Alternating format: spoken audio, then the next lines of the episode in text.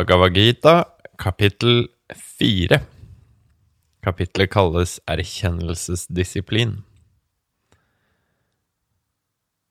Herren sa, Denne uforgjengelige disiplin åpenbarte jeg for Vivasvant. Vivasvant fortalte den til Manu, og Manu sa den videre til Ikshvaku. Slik kjente de kongelige seere den, overtatt fra ledd til ledd, men i tidens løp har denne disiplin gått tapt.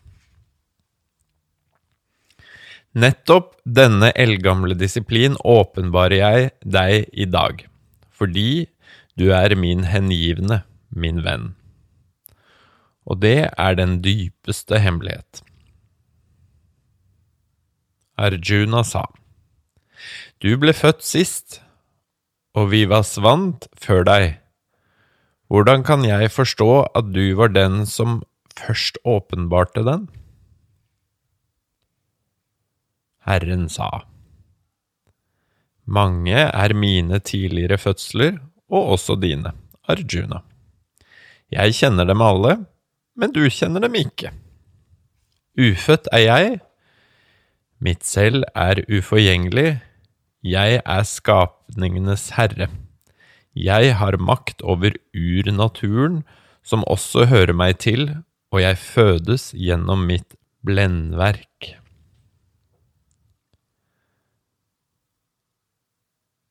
Når det rette forfaller, Arjuna, og urett tvinger seg frem, lar jeg meg selv bli født. For å beskytte de rettferdige og ødelegge de onde, for å befeste det rette fødes jeg i tidsalder etter tidsalder. Den som virkelig kjenner til min himmelske fødsel og handling, går ikke til ny gjenfødsel når han forlater kroppen, han kommer til meg, Arjuna. Fri fra begjær, frykt og hat, fylt av meg støtter de seg på meg. Mange har kommet til den tilstand jeg er i, renset gjennom erkjennelsens askese. De mennesker som på den ene eller andre måten finner veien til meg, tar jeg meg av slik de kommer, Arjuna. De følger min vei helt. De ønsker å lykkes med rituelle handlinger og tilber forskjellige guddommer. For i menneskenes verden lykkes en snart med rituelle handlinger. Det firedelte kastesystem har jeg skapt med inndeling etter egenskaper og handlinger. Men enda jeg har skapt det, er jeg uopphørlig ikke-handlende. Handlingene skitner meg ikke til, for jeg begjærer ikke handlingenes frukt. Den som forstår meg på denne måten, bindes ikke av sine handlinger.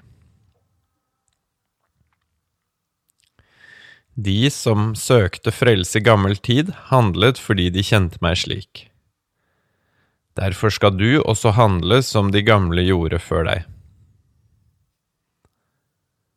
For hva er vel handling? Hva er vel ikke handling?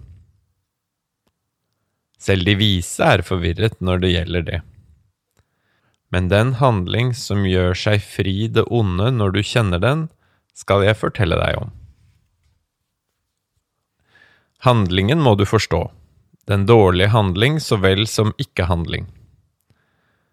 Vanskelig er det nemlig å forstå handlingens veier. Den som ser ikke-handling i handling og handling i ikke-handling, har forstått. Er samlet hva han enn gjør.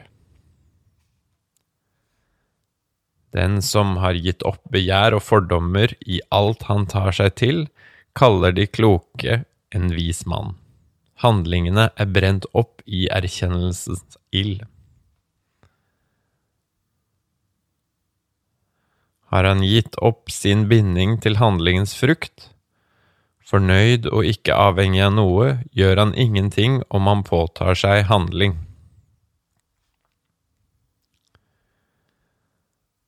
Holder han tankene og seg selv i tømmene uten ønsker, gir opp alle krav og bare handler med kroppen, gjør han ingen synd.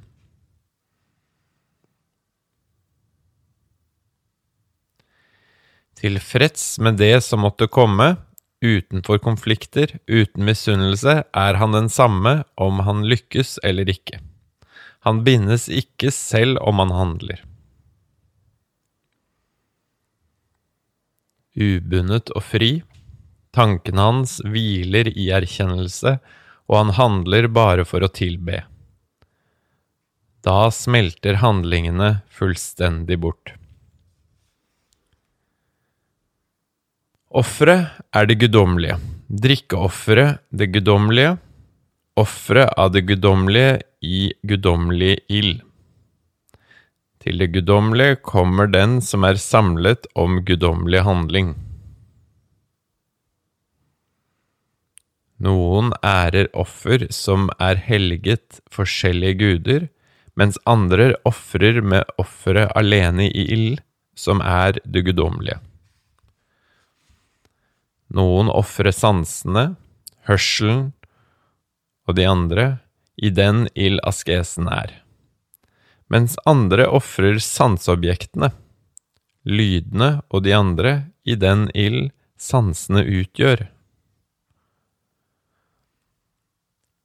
Andre igjen ofrer alle sansenes virke sammen med livskraften i den ild som er å holde selve i tømme, i disiplin tent av erkjennelse. Så finnes det også andre som ofrer ting, og de som ofrer gjennom askese eller disiplin, eller gjennom studium og erkjennelse, de tar seg sammen med strenge løfter.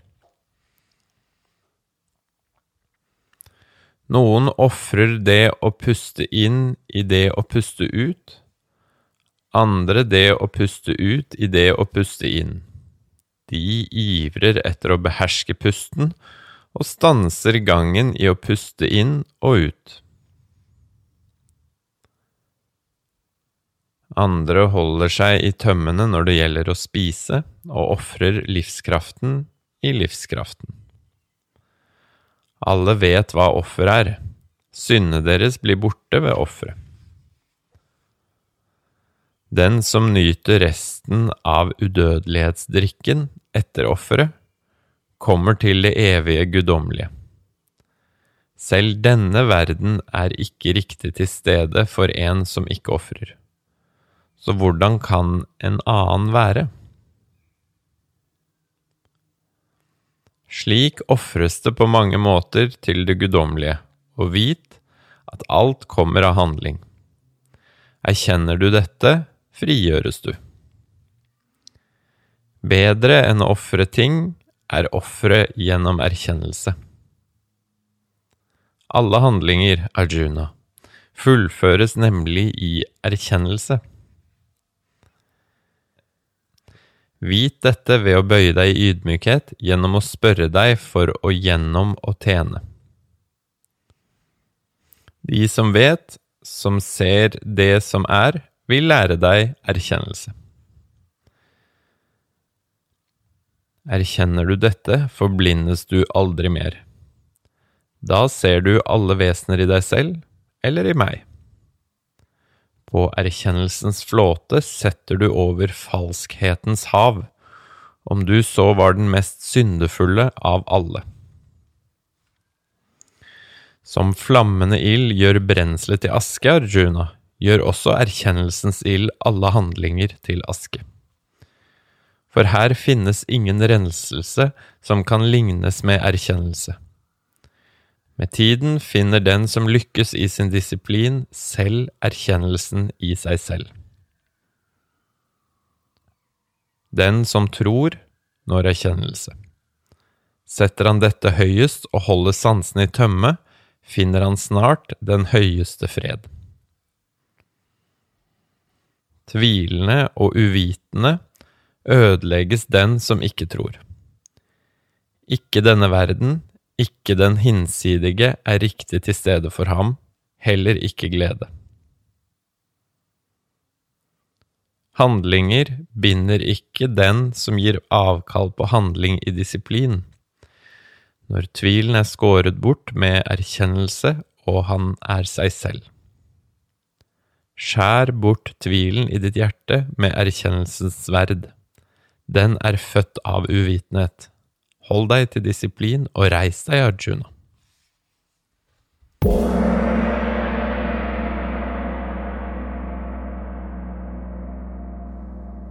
Bhagavad Gita er oversatt av Jens Bråvik, Signe Koen, Knut A. Jacobsen, Knut Kristiansen, Georg von Simson og Hanne Svendsen.